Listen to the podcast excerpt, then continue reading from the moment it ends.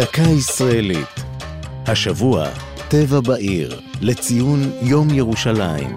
והפעם, אקווריום ישראל. אמנם ים אין בירושלים, אבל דגי ים יש ויש.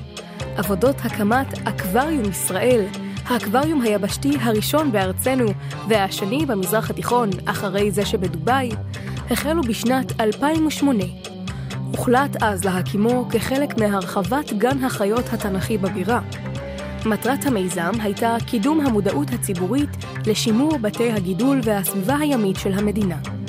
עלותו הכוללת של האקווריום כמאה מיליון שקלים, והם הגיעו מהמדינה, מיזמים פרטיים ומתורמים.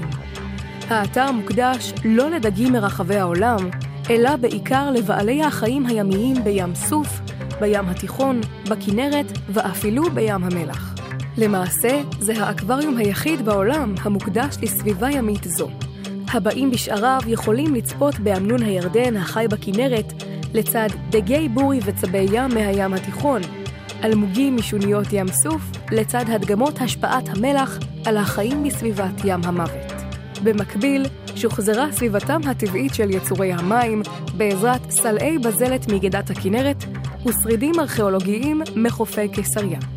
וכך, בין שכונת חומת שמואל, היא הר חומה, לבין גבעת מנחת מלחה, במרחק ניכר מהים, צמח לו מעין חוף ירושלמי, המוכיח אחת ולתמיד, יש כרישים בירושלים.